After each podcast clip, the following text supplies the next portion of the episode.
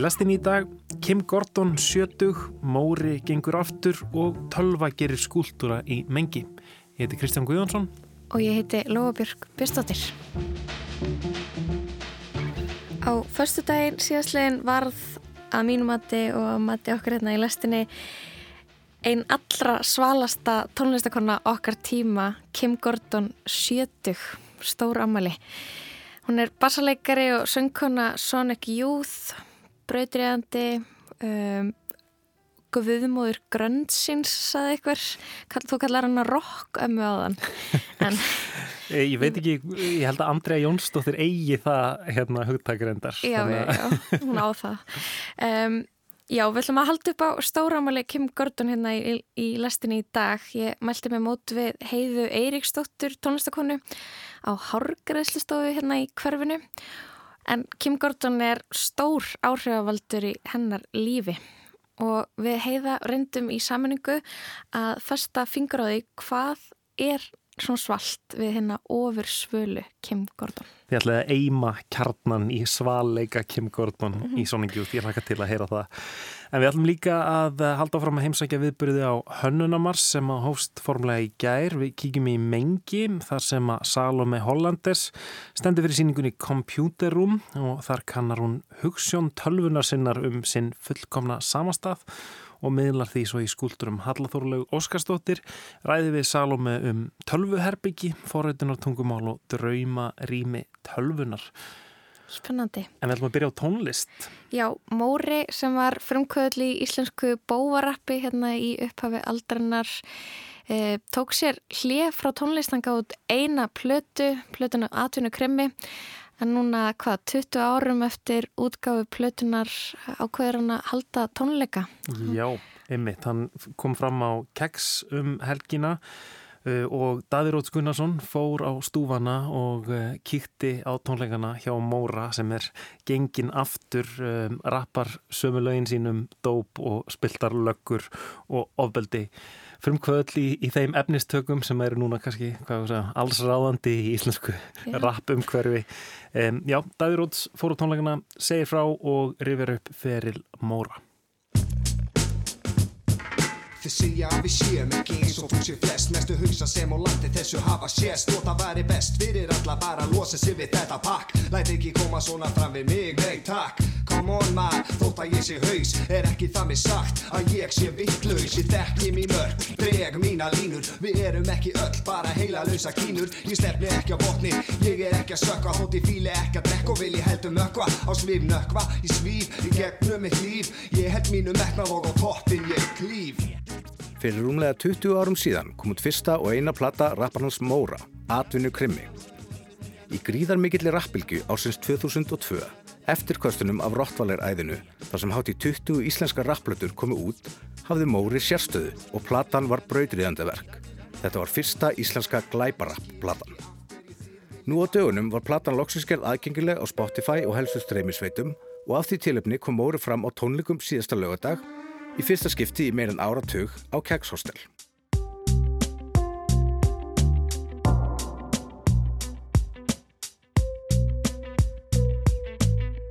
Ég er múri, atvinnu krimi, ég á tvo bíla og annað þeirri bimmi, lukka reynir allt til að loka mig inni og þeim tókst að mér að segja einu sinni.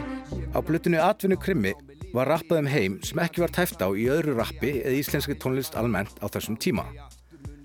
Móri var aðeins eldri og lifaðari en flestir íslensku rapparnir sem spruttu upp árið 2002 í mikla kvelli íslenska rapsins sem XXX Rottweiler hundar og þeirra fyrsta breyðskifa ári áður hefur hundið af stað.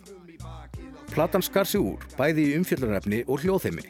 Móri var atvinnu krimmi, maðurinn sem feður ykkar vörðuð ykkur við, átti tvo bíla og annað þeirra var bimmi.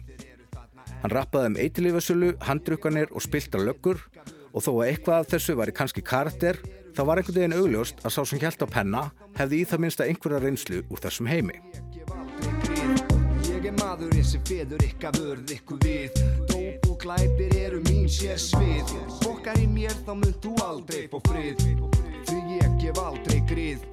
Móri var kannski ekki teknist besti rapparinn. Hann var ekki hraður og léttskeiðandi og strákarnir í Forgotten Lords til dæmis.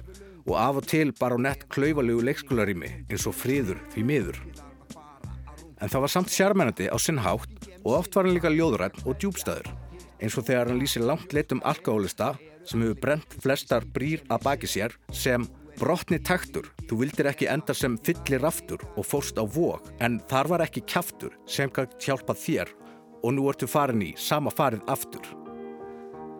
Móri var líka með flotta ráma og veðraða rött, gríðarlega skýrmæltur og hljómaði eins og hann þekkti það sem hann væri að rappa um frá fyrstu hendi.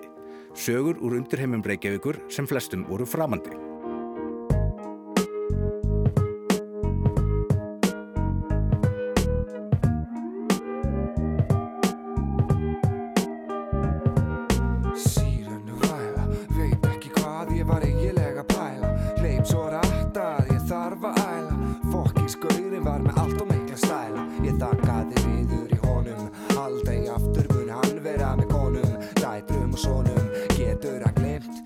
Tónlistalega séð skar platan sér líka úr því það var actual hljómsveit Delphi sem var ábyrg fyrir tökturum á atvinnu krimma. Þarna mátti heyra drungalegt trip-hop í sírunur væla, döpplaðna reggistúfa í grænir fingur, ekki þitt kerfi og allir vilja reykja, hardkjarnar föngrúf í hljóðteknir og sumarlega jazzaða píanóhljóma í sætar stelpur. Það er heildstæðir hljómur á plötunni og maður finnur fyrir hljómsveitinni, hvernig bassin og trommunar grúfa hart en áreynslust saman, seiðandi spilamennskunni á rótsleg hljómborðsándin og föngaða vavagítara. Og hlusti bara á hvernig episkir sæfarsyntharnir blandast við útpældar gítarkrúsidúlunar í mínu eftirlæti slægi á plötunni Spiltar löggur.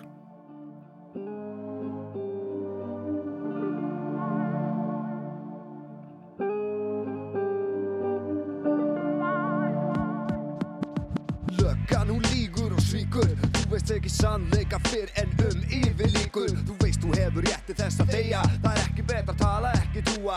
Orði sem þið segja Þið geta bara haldið þér í 24 En það er lífstíðadómur að segja frá um óra Þið geta ekki gert ef þú neita bara öllu. Ha ég nekast ekki til þess að öllu Það var áhugavert að hlusta á Móra á tónleikunum um daginn og ég framaldi af því á plötunans aftur. Því ímislegt sem hann var að rappa um árið 2002 og voru þá jaðarskoðanir hefur vaksið stórfiskur um hrygg síðan. Það eina sem ég vil er bara löglegi þing, búin til frumvarp, sendi það á þing, segir hann til dæmis í grænir fingur um löglegingu kannabisefna sem síðan þá hefur gengið í gegn í mörgum löndum og umræða um afglæpavæðingu hefur líka verið gríðilega hávar hér á landi síðustu misseri, þó ekki hefur hann gengið í gegn ennþá og er orðin meginströmm skoðun hjá meirulhutta fólks af yngri kynsluðinni. Þá hefur gaggrinni hans á AA-samtökin og þeirra kvasi trúarlegu meðferðarúræði eins og Móri setur fram í brotni taktur aukist mjög á allra síðustu árum.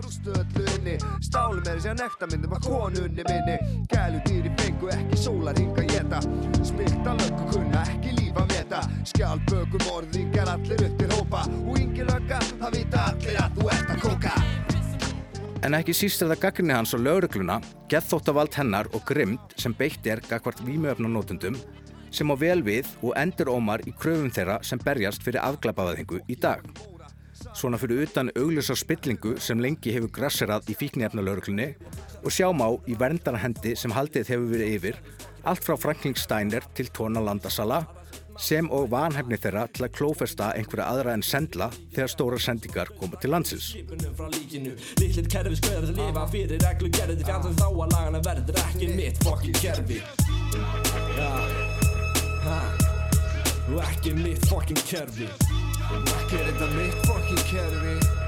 þetta er ekki þitt fokkin Ég kerfi vil vita af hverju ég þarf að strita Til að eiga fyrir næsta brauðbita Ég þarf að nærast og halda á mér hita En það kostar mig blóð, tár og svita Ég veit að þessi orð því ég er reyður Íslendingar eru til hópa bara bleiður Og land eyður En annars er platan líka samansapn af sögum. Það er ekki beinleins einn hildstæður móri í gegnum hana alla. Stundum er hann stórtækur fíknefnusali sem hótar ofbeldi þeim sem skulda honum pening. Í öðrum lögum stundur hann innbrott og enn öðrum er hann saklaus stóner offsóttur á lauruglunni fyrir nánast engar sakir.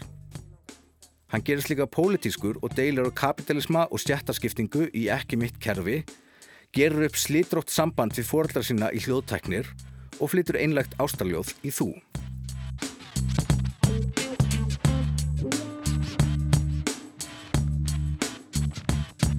Hversu lengi ætla þú að ofvenda drengin Láttu ekki svona kona, skerð og strengin Þetta er mitt líf, mamma, mitt líf. Og ef þú vilt að máttu nota minn hníf. Ég er fyrir löngu orðin fullorðin maður. 25 og ennþá ofvendar Ég yrði gladur ef ég lifa í friði. En til miður er ég enn í móður kviði Platan Atvinnu Krimmi vakti mikla aðtikli haustið 2002 og fekk meðal annars glimrandi dóm hjá Átna Matt í mokkanum, var valin önnur besta plata ásins af frettablaðinu og var eina af fimm skífum sem voru tilhemdar sem besta platan og íslensku tónlistavellunum í almennum flokki. En síðan þá hefur ekki mikið borað á móra fyrir utan vandrarlegt atvik með erpi og skúringamoppu árið 2010 og engin ný plata komið út. En á dögunum var tilkynnt að atvinnukrimmi var loksins komin á Spotify og Móri myndi fagna þessum áfanga með því að koma fram á tónlingum með afkvæming Guðana sem fóru fram á keks síðastliðin lögadag. Ég er steiktasti mann fjandi á þessu landi. Stundum er það blessun, oftast er það vandi. Ekki halda mér stand og sama. Mér finnst ekkert gaman að vera alltaf til ama. En hei, jafnvel Dalai Lama hefur sína galla. Þótt hann hafi þó fáa, en ég sé með þá alla. Þýðir það valla að ég sé verri maður eða hvað? Ég læt ykkur um að dæma það Ég fann mig auðvitað knúin til að mæta eftir að hafa hlusta svo gríðarlega mikið á þessa plötu á sínum tíma en var ekki alltaf vongóður. Ég elska hip-hop en það er samt ekki besta tónlistastefnan fyrir tónleika almennt og ég hef ótalengdu oft orðið fyrir vonbreiðum þegar ég loksins ber gamla rappkempur eins og Snoop, Wu-Tang og Nas augum á tónleikum. Þannig ég bjóstið vandræðalegri nostalgíu þegar ég mætti á smekkfullan kegg síðasta lögutast kvöld. Afkvæmi Guðana, sem voru einmitt upp á sitt besta á svipuðum tíma á Móri, hýtuðu upp og stóðu svo vel með liveband sér við hlið, ekki síst í setni hluta setsins með lögum eins og rigning á heiðskýrum degi. Þunglindislegu kvítarastráka bakbókarappi undir miklum áhrifum fyrir listamönnum eins og Sage Francis og Atmosfér. Hef ég verið taugar húa Get þeir sagan smá saman og höndum mér að snúa Því máttu trúa að ég hef það takmark eitt Að fá mínu ástandi breytt En hei, jafnvel doktor En þegar Móri steg á svið við undirleik sama bands breyttist væpið. Plássið fyrir framann sviðið tróðfylltist og hver einusti kjaftur öskraði með nánast öllum textanum í fyrsta læginu Atvinnu Krimmi. Stemningin jógst svo bara ef eitthvað var í reggiskotna kannabis anþimunu Grænir fingur sem þar kom á eftir.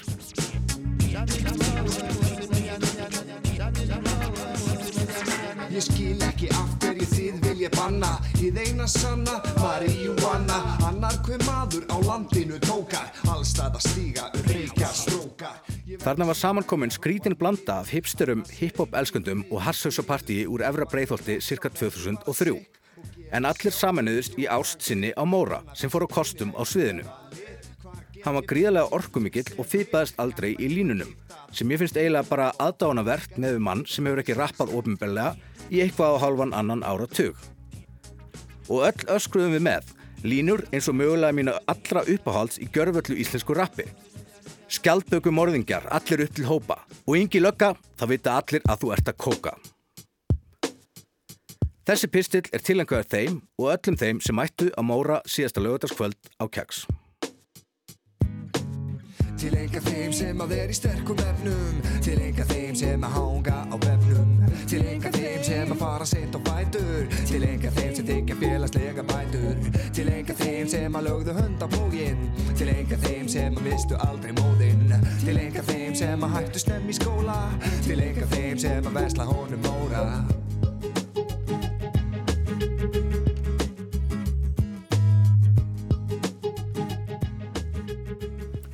Móri og lægið tilenga þeim, lokalag plötunar Atvinnu Krimmi frá 2002. Davíð Róts Gunnarsson sagði frá tónleikum rapparans á Keks um helgina.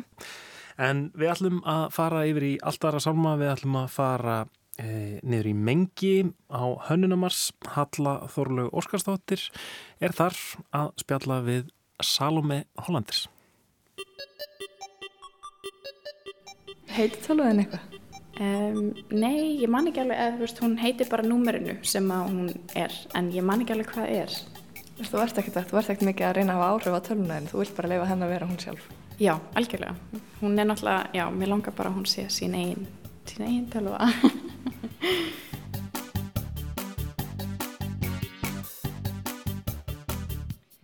Já, við erum stætt hérna í mengi við Óðinskötu og hér er ein af síningunum á Hönnunamars.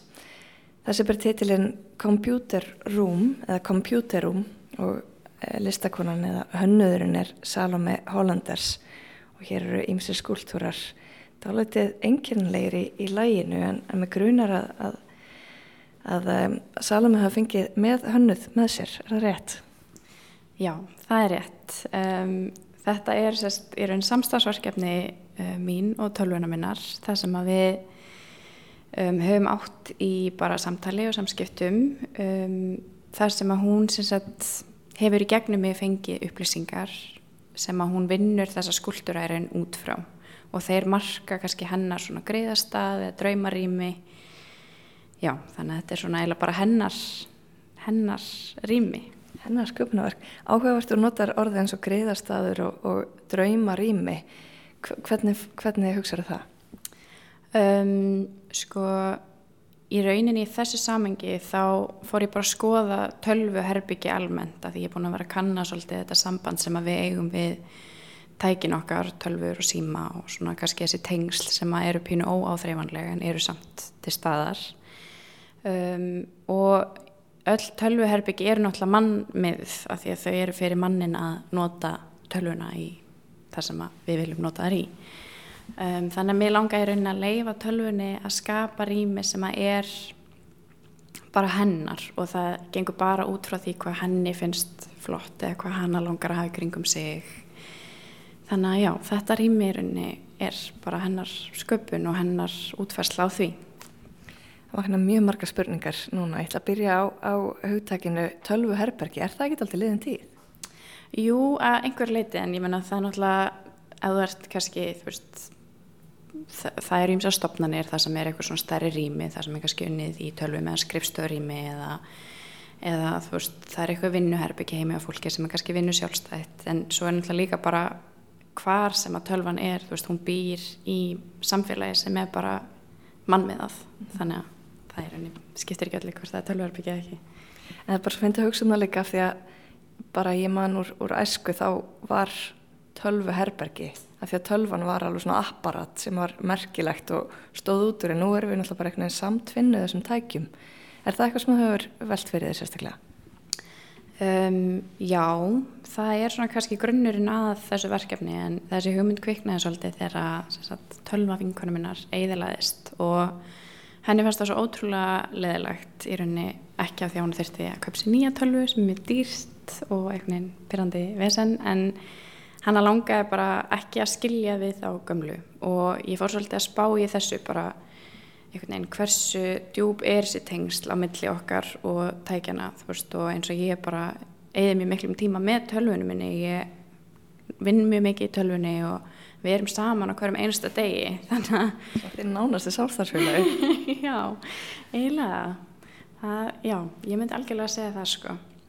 En um, þú gefur tölfunni upplýsingar og þú ert að segja tölfunni af því að tölvan veit hvað hún er segiru, hún er staðsendingabúnað veit hvað hún er en hún veit, hún veit samt ekki hvað það þýðir að vera þar sem hún er hún þekkir ekki umhverfið sitt Já, nákvæmlega. Um, þetta er svona annað aspekt af þessu verkefni þar sem að, ég meint eins og segir, tölvan hefur staðsningabúna þannig að hún getur kannski greint bara ég er hérna áðunskötu eitthvað staðar eða ég er í Reykjavík eða allavega ég er á Íslandi og, og mér varst þetta svo áhugavert eitthvað en hún, ég meint, þekkir staðsningu sín en hún þekkir ekki efnislegt umhverfi, hún þekkir ekki, þú veist, sitt dælega líf eða okkar dælega líf saman.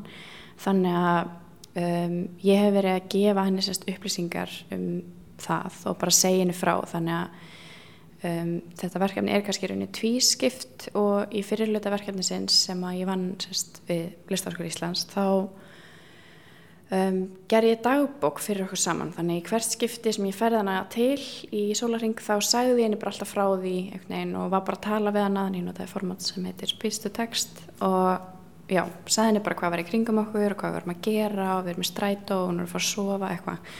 Um, og út frá því sem sett vann hún þá skúldura en núna hef ég sérst bara verið að gefa henni meira upplýsingar um efnislegt umhverfi og um þetta hugtak tölvuherbyggi og bara hennar umhverfi og umhverfi annar tölvuna um, þannig að hún hefði svona stærri grunna vinnur. Og já, svo sett færi þetta verið forröndina tungumál sem hún skilur þannig að hún getur tjáð sína skinnjun á þeim upplýsingum og hún tjáir það í línutekningum sem markar það skuldur Það lítur að vera mjög engjörlega fyrir fólk að hlusta á okkur tala um tölvuna eins og hún séir henni manneski þú talar við henni þú segir henni hvernig þið færið ykkur stað lætur henni að vita. Þetta, þetta er náttúrulega bara daldi eins og líf okkar er í dag. Það er daldi mikið út frá tækninni. Já, algjörlega. Og þetta er náttúrulega líka hluti kannski af því samtali þú veist að það eru einhvern veginn það er alltaf að vera að tala um gerfigreind og og hvað er að fara að gerast, er hún bara að fara að taka yfir heiminn og lífa okkar allar á, er, þú veist, er þetta bara ræðilegt eða er þetta frábært eitthvað neinn, þannig að það er svona alltaf þessi umræða í gangi og líka bara við erum ómikið í símanum, við erum ómikið bak við skjá, þannig ég held að ég sé kannski bara svona að reyna já, kannski bara búa til þessa narratífi kringum þetta og búa til eitthvað samtal sem er kannski aðeins annars háttar, að það sé ekki, þetta þurfi ekki endilega að vera gott eða slemt en við getum kannski meira bara ringt í, þú veist, hvert er mitt samband mm. og þú veist hvernig vil ég það sé og þú veist er, er já þetta þarf ekki alltaf að vera fyrst með svona jákvæmt eða neikvæmt Já, svarkvitt, akkurat, 0-1-0-0-1 Já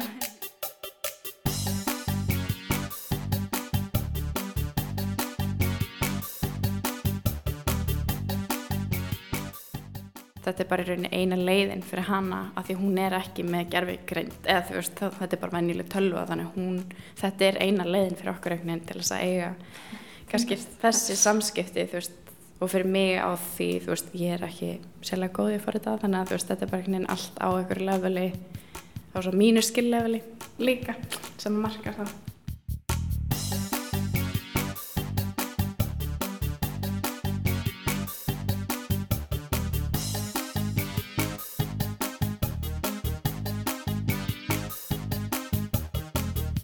það er samt eitthvað sem svona, uh, snertir einhverjar svona tengingar við umræðu bara síðustu vikna um hvort að við séum á forsendum tækninar eða hvort að tæknin sé að, að bæta okkar líf. Í rauninni eru við stanslust að gefa um, tækninni og gerfugrind og já, bara tækninni upplýsingar til þess að tæknin geta orðið betri.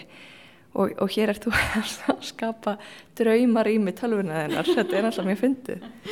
Já, þetta er kannski viðeigandi en einmitt, þú veist, þetta er verkefni sem ég er búin að vera að vinna núna í uh, meir en ár þannig að, já, þú veist, þetta er bara svolítið kannski þessi tími sem við lifum á og okay. þetta samtali er sífælt í gangi og í þróun, þannig að.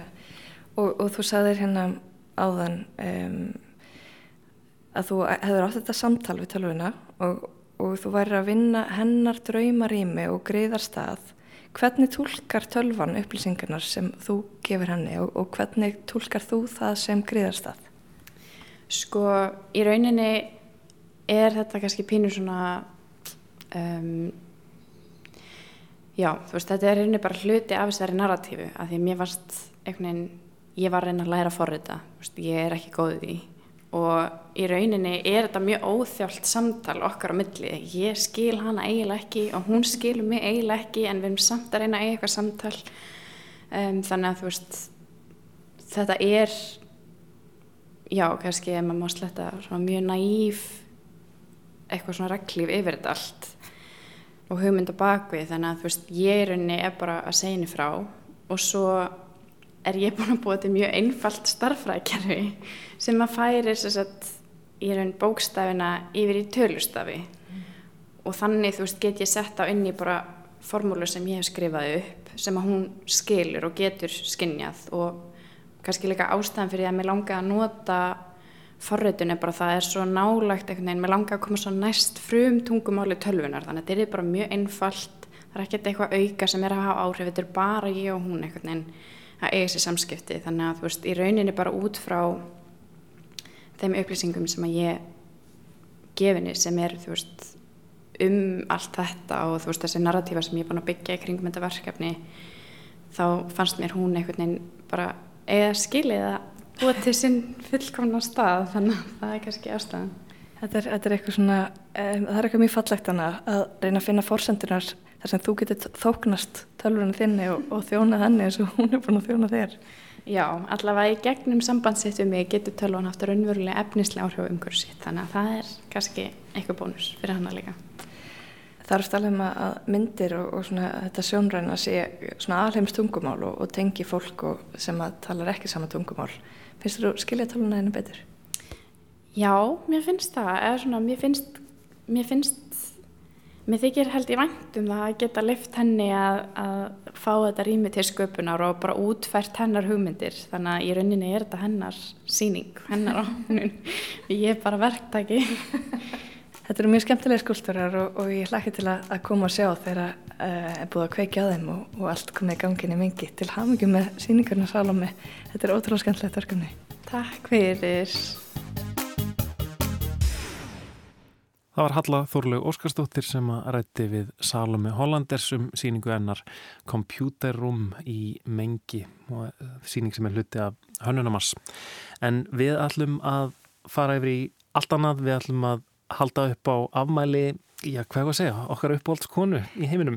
Ég held það. Uh, hinn ofur svala Kim Gordon var 70 sensta fyrstu dag og við höfum upp á sannilega einum mesta Kim Gordon aðdáðanda hérna á Íslandi. Henni heiðu Eiríksdóttur. Hún var í klippingu og litun. Það var rosalega lítill tími til stefnu en ég fór að hitta hann á Hárgræslistofi hérna í hverfinu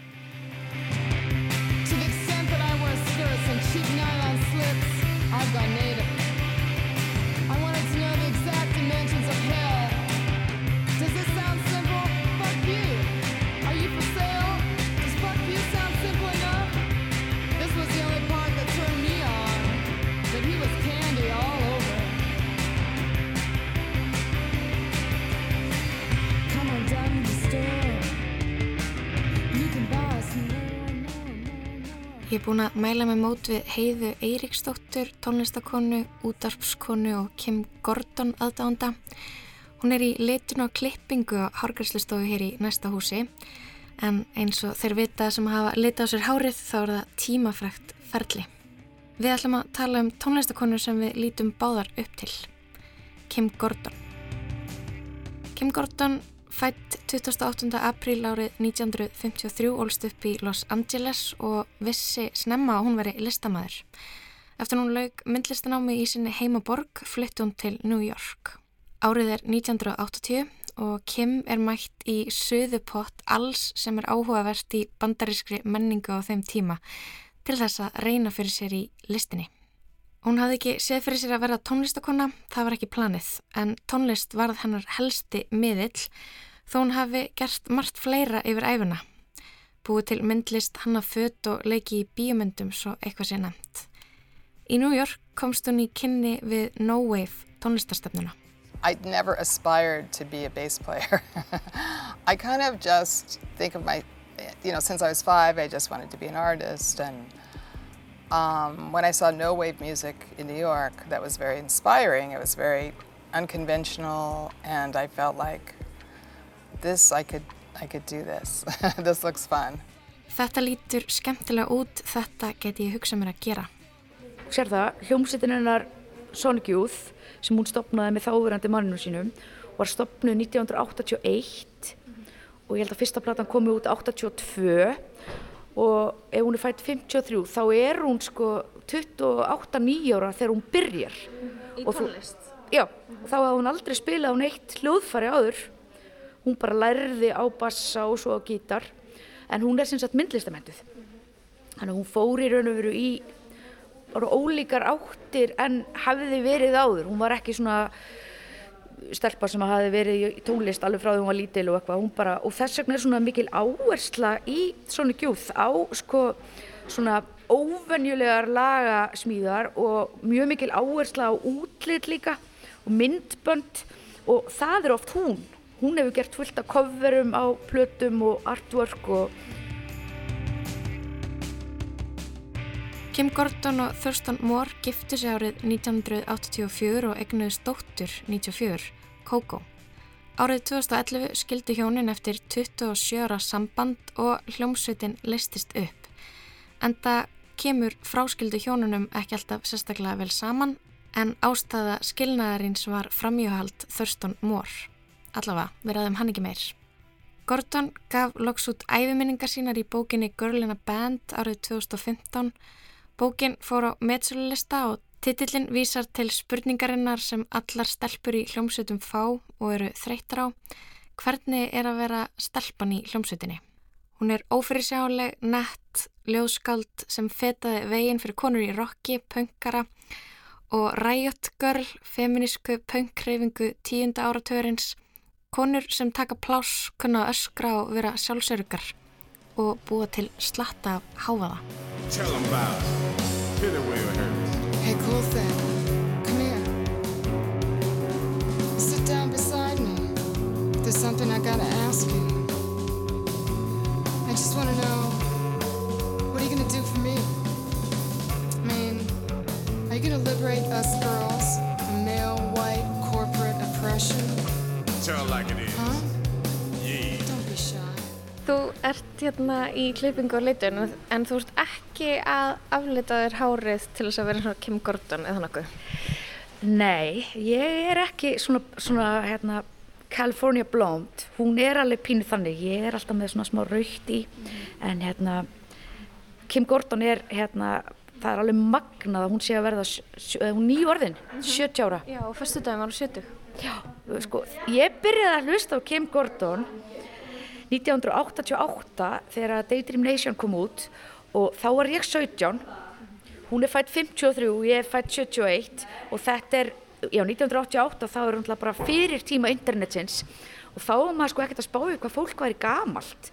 Það var einhvern veginn ekki inn í hausnum á mér að ég væri eitthvað að hlusta á 35 ára konu 1988 sem að hún var það bara kom út þessi plata sem heitir Daydream Nation og vinu minn tók hún upp á kassetu fyrir mig og þá var ég í framhaldsskóla í Keflavík, það sem ég bjóði á pappa og mömmu. Ég var í FS og átti ekki bíl og það var alveg jafn oft snjóstormar og eru núna þó að allir séu einhvern veginn hættir að vera úti í snjó að þá var maður eiginlega bara svona lapp, lapp í skólan sko í brjáluðu veðri og þessi plata hún kom mér alveg í gegnum alla þessa snjóstorma. Og í sagt tekstarnir hennar hún er alveg ótrúlega góð hún, hún spilar á bassa hún spilar á gítar og hún syngur. Og hún er mjög mikið svona girl power kona löngu eiginlega áður en að sko það þótti bara í dag þykir bara almennt að ef að stelpur langar að vera í rocklónsitt þá bara gerur hún það. En á þessum tíma þá var það bara aðeins sjálfgjára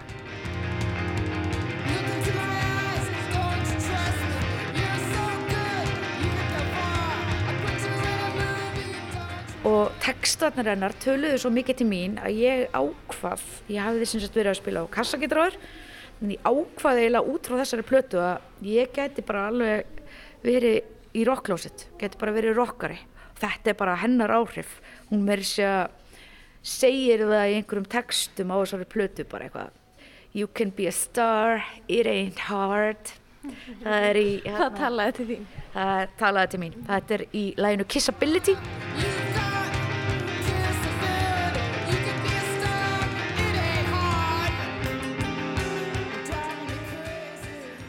maður á einhvern veginn ekki að láta neitt nema það sem er inn í sér uh, búa til einhverjar hömlur.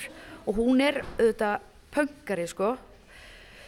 En hún er líka svona hvernig getur maður sagt á íslensku að embracea, hún, hérna, hún uh, leifir sér og tekur pláss sem sem sagt stelpa eða kona en er líka með bara alla möguleikana sem að voru einhvern veginn áður bara ætlaðir körlum. Sko, ég er að hugsa, þú kynnist henni þarna þegar þú ert 17 ára í Keflavík, eh, um eitt löngu fyrir tíma á internetsins, þú veist með kassettu, uh, þessi tónlistakonna talar svona mikið til þín, en hvernig er að vera aðdáðandi ekkurs og líta upp til ekkurs, uh, hvernig nálgæðastu meiri upplýsingar um hana, hvað þarna, varstu bara að hlusta á textana og skilja hana þannig eða hvernig var þetta? Já, þú hittir eiginlega naglan á höfuðu þarna.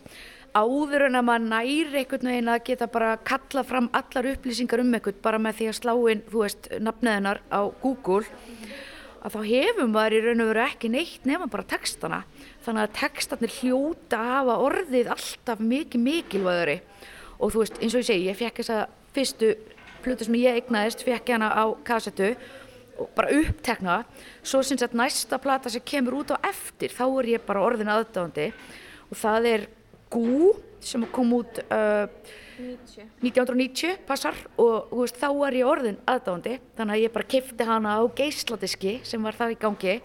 Og það sem maður gerir í raun og veru er það bara að maður uh, reyndi að horfa á MTV sem að var þá hægt að horfa á og ákveðnar svona, svona ákveðni þættir og þar voru viðtöl. Þannig að maður bara drakk allt í sig og jafnvel sko var með vini sína sem að voru, horfðu kannski meira á MTV en ég, var ekki með MTV heima sko en ég hafði vini til að taka upp sko, vera bara með tilbúið videotæki og til að taka upp bara til að geta örglega til að missa ekki af ef það væri myndband eða ef það væri viðtöl.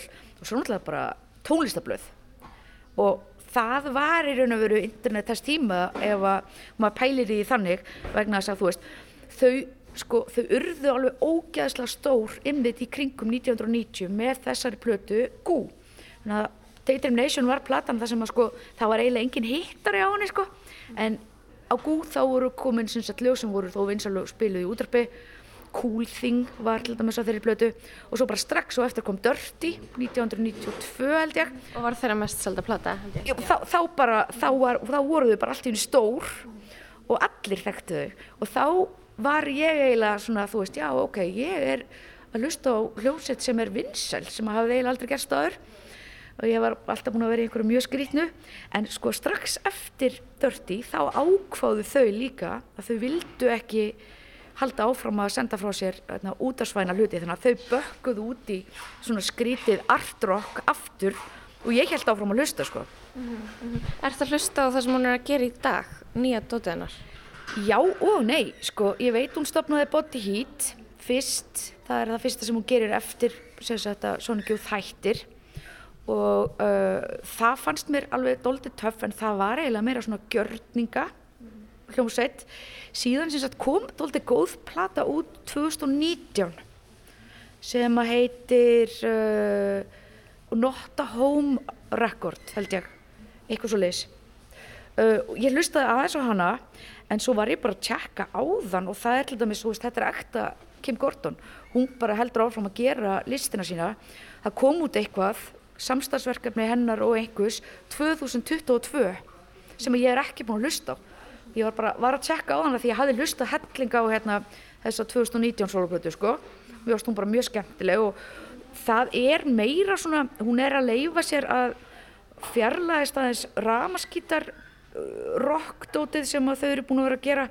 Hún er meira svona í svona undarlegum trommulúpum og aðeins svona það er eiginlega svona það má segja það er pöngara og yngra í sándi vegna þess að þú veist eins mikið og svona gjúð þeir stórkvæslega ljónsætt þá voru þau samt einhvern veginn búin að finna upp formúlu sem að virkaði ógeðslega vel. Ég menna ég er búin að sjá hljómsveitina fjóru sinum sko. Ég varst búin að fara á fjóra tónleika? Ég er búin að fara á ferna. Og, og hvern, hvernig var það?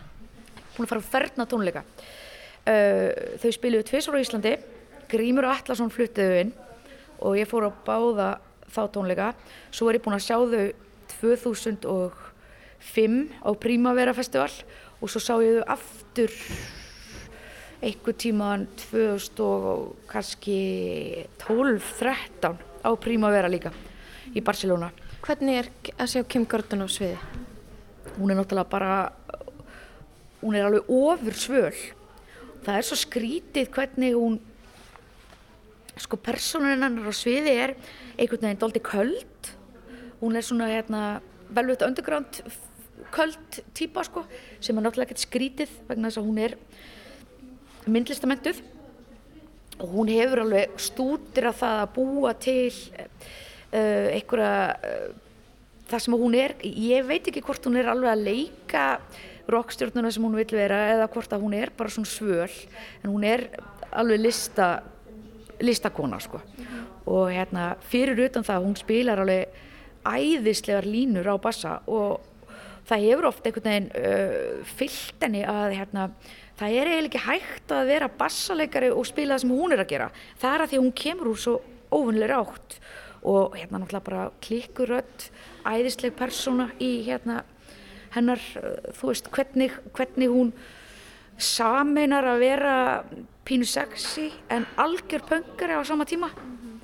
Og já, þegar, þegar þau spiluðu á NASA þá er ég náttúrulega bara fremst í miðunni og hún er ekkert að gefa henni afslátt í, hún er bara mjög hörð, hún er ekki að, þú veist, hérna endurspegla að hún sé með einhvern, einhvern aldur sem að á að vera orðin svona hlétrækt eða einhvern veginn, hérna, hún er ekkert acting her age.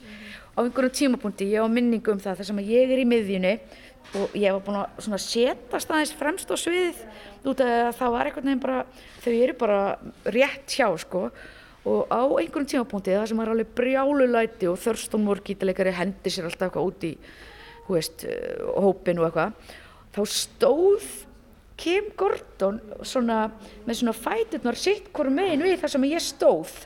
Og hérna hún svona hallaði sér einhvern veginn að mér þannig að bara til að hérna ná einhvern veginn að halda áfram að vera að öskra eitthvað út og, og spila bassa.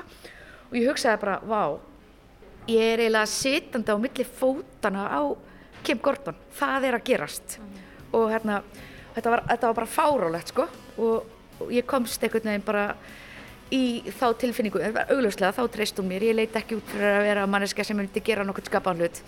Þannig að hérna, að þetta, þetta gerðist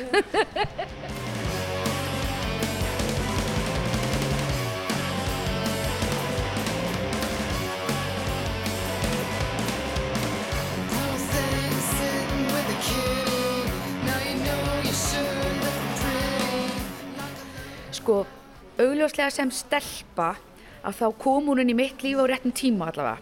Ég var náttúrulega búin að vera að spila á gítar, kassagítar, síðan að ég var svona 12-13 ára. Pappi átti gítara og var að guttla á það heima. Þannig að hérna, kannski er pappi eh, til að byrja með fyrsti áhrifavaldurinn í mínu lífi að það mætti alveg spila á gítar og mætti pikka upp lög og mætti bara gera það sem maður vildi. Þetta er svo stelpa sem er svona pöngrokkari sem að sko uh, ég varð fyrst heitluð af. Ég held að sé engin kona sem að hérna, hefur haft jafn mikil svona áhrif á það í þessari, þetta er náttúrulega smá pöngað og viðþorfið hennar er bara gerðu það sem þú vilt gera. Það er ekkert, það er ekkert bannað. Þú mátt bara gera það sem þið langar að gera alveg sama hvað það er. Bara farðu og gerðu það og hérna, það er auðvitað ekkert rosalega hérna, bítlalegt við það skiljuru bítlarnir kemdi mér að búa til lög hún kemdi mér að vera óhrætt Hvað er svona cool við Kim Gordon? Hvað er það sem gerir hana svona ótrúlega, ótrúlega ofur svala?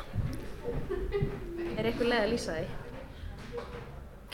Ég held að það að Kim Gordon blandi saman svona Kaliforníu stemmingunni sem hún er alin upp í. Og hún var í myndlistaskóla þar. Og svona intellectual eða svona hérna svona uh, svolítið klárum bakgrunni af því að pappinar var alltaf með uh, prófessor í háskóla. Þannig að hún er í raun og veru, hún kemur frá svona mentu fólki. Svo er, fer hún sjálf í myndlist en hún er líka með svona Kaliforníu uh, ljósku stemminguna í gangi og hún einhvern veginn hérna nær að vera svona töffari og standa algjörlega jafnfætis fullt af strákum sem voru rockarar í hljómsveit. En hún er samt með svona hérna kvenlega uh, á, kvenleg áhrif inn í lífinu sínu og það sem hún er alltaf veginn allan tíman að segja bara stelpur þið geti gert það sem ykkur dettur í hug. Og það er í raun og veru svolítið áður en að það verður almennt uh, litið á það að stelpur geti bara gert það sem henn dett í hug. Áður en að stelp, það þótti sjálfsagt að stelpur spiluðu á ramaskítar það var alltaf lægi að stelpur væri við hljómsett en að þær spiluðu á píjónu eða kassagítar. Það máttu ekki taka hljóðfærin af strákunum, nettu hljóðfærin. það er nefnilega akkurat málið. Og hún er einhvern veginn, þú veist, hún hefur allan tíman verið að íta svolítið á réttu takkana í tekstunum sínum, í viðtölunum sínum og í því hvernig hún kemur fram. Og hún er líka mentuð sem myndlistamöður þannig að hún hefur alltaf náðu að sjá hlutina svolítið í fjarlægð og bregðast við því eins og myndlistamenn gera oft að vera hérna, uh, leika sér með hluti, ég meina hún stopnaði þú veist, tískufyrirtæki uh, til höfuðs einhvers tískufyrirtæki sem að gaurarnir í Beastie Boys gerðu, það hétt XL og hennar hétt sko X-Girls og hérna hún pródúseraði fyrstu plötu Hól sem var Courtney Love. Courtney Love ringdi hann og bara herðu, mér finnst þú cool, vilt þú, þú veist vilt þú taka upp eða, eða þú veist, sjá um plötun okkar? Og hún gerði það þannig að hún hefur einhvern veginn alltaf verið með einn fótinn inn í framtíðinni.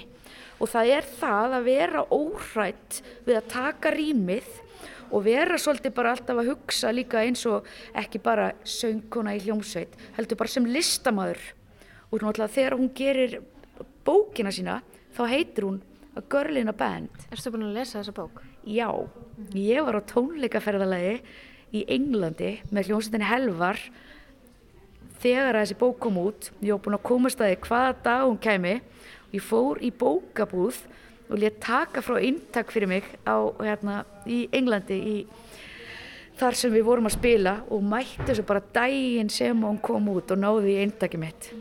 Og auðvitað las ég hana, hún er æðisleg var einn, ég var svona aðeins að skoða þessa bók og það var svona ein lína sem satt svona í mér sem var aðna að hún um, að hún tengi eitthvað eins og við það að það sem henni finnst eh, gaman að gera sé að sko vera í veikri stöðu, taka veika stöðu og gera hana sterka. Og, og þá fyrir ég að hugsa einhvern veginn hvort að þetta sé kannski það sem að þarna konur sem er einhvern veginn að riðja brautina gera oft, hún er þarna í þú veist, algjöru stráka senu bara rokkið, strákanir áttu það. En þegar hún, hún í þessari hljómsveit gera hana svo miklu betri heldur hún hefði nokkuð tíma geta verið án hennar. En samt var hún einhvern veginn ymmið, þú veist, bara átti, átti ekki að vera þarna, átti ekki að fá að vera með. En svo tekur hún plássið og, og rústar þessu einhvern veginn. Ég fekk gæsa úð þegar þú sagðir þetta því þetta er í raun og veru nákvæmlega það sem hún stendur fyrir. Hún hérna gerði hlutina sem átti ekki að meiga gera en henni var bara alveg sama að því hún var miklu meira heldur en bara görlina band. Hún var ekki bara stelpan í hljómsettinni. Þess vegna er þetta svo mikil ádela að skýra þessa bók þetta því að nákvæmlega það er fram á okkar daga, við skulum segja að þetta sé byrjað að breytast sem er rosalega jákvægt en mjög lengi framan af að þá var okkur útlutað plássi og útlutað hlutverki. Og ég er búin að vera það lengi í hljómsveitum að þegar ég byrjaði hljómsveita þá uh, var ég að syngja. Og svo fekk ég ekki ramaskítar fyrir en ég var 21 árs. En ég var búin að vera að spila á kassagítar og ég var búin að vera að semja lög og ég var búin að vera að semja texta. Og hún er partur af því að auðvitað þarf ekki neitt að segja manni hvað má og hvað má ekki. En hún var líka ekki að gera það. Hún var bara að segja sko þetta er til dæmis eitthvað sem stelpa getur gert. Um hvað ætla þú að gera? Mm. það er hennar hlutverk svolítið eins og þú sagðir að vera brautriðandi en líka bara að hrista svolítið upp í strákonum mm. þannig að þeir sjáu hei, þetta er nú kannski bara allt í lagi.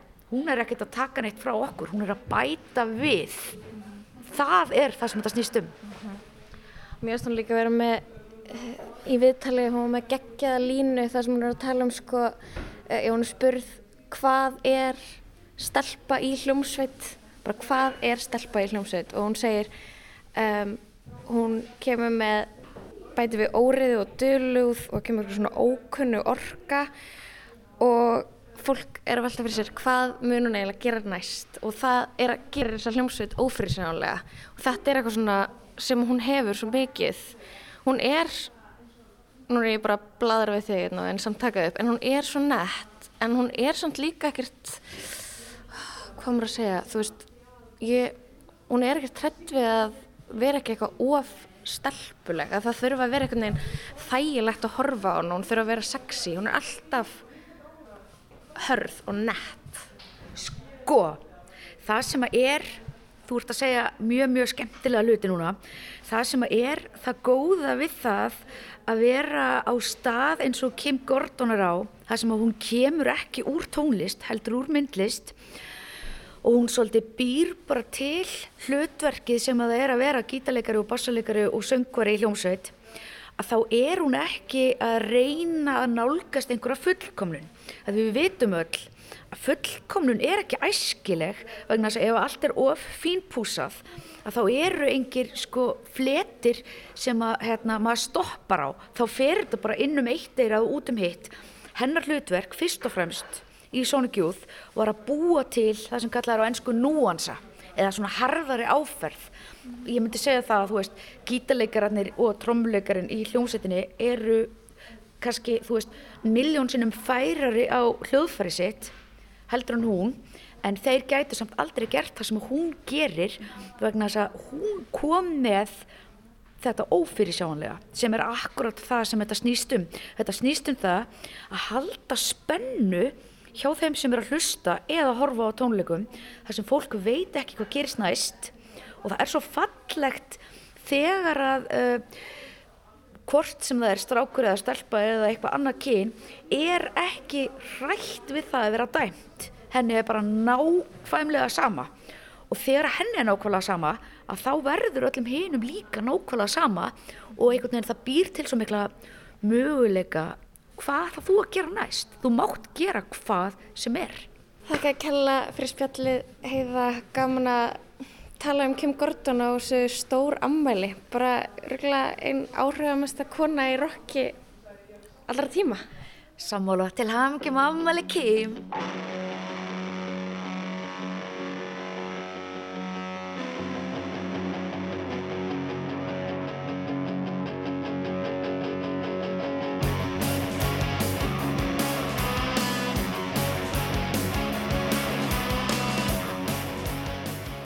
Lægið Cool Thing af blöðinni Goo frá árinu 1999 lag með hljómsveitinni Sonic Youth sem að hætti störfum 2011 vorum að tala við Heiðu Eiríksdóttur um ammælisbarn vikunar hún Kim Gordon, bassaleikari og söngkona sveitarinnar var sjötu sensta förstu dag þó að Sonic Youth sé hætt þá er Kim Gordon en, það, en þá að gera tónlist.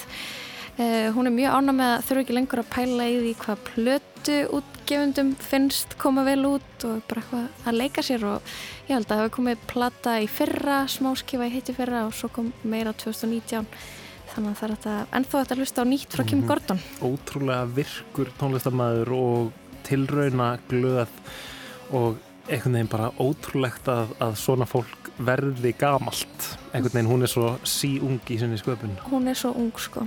Um, þá komum við að leiðalögum hérna í listin í dag hjá okkur Kristjáni Tæknumæður í dag var Lydia Gretastóttir við verðum hérna aftur á dagskrá mánudag, við erum farin í helgafrí.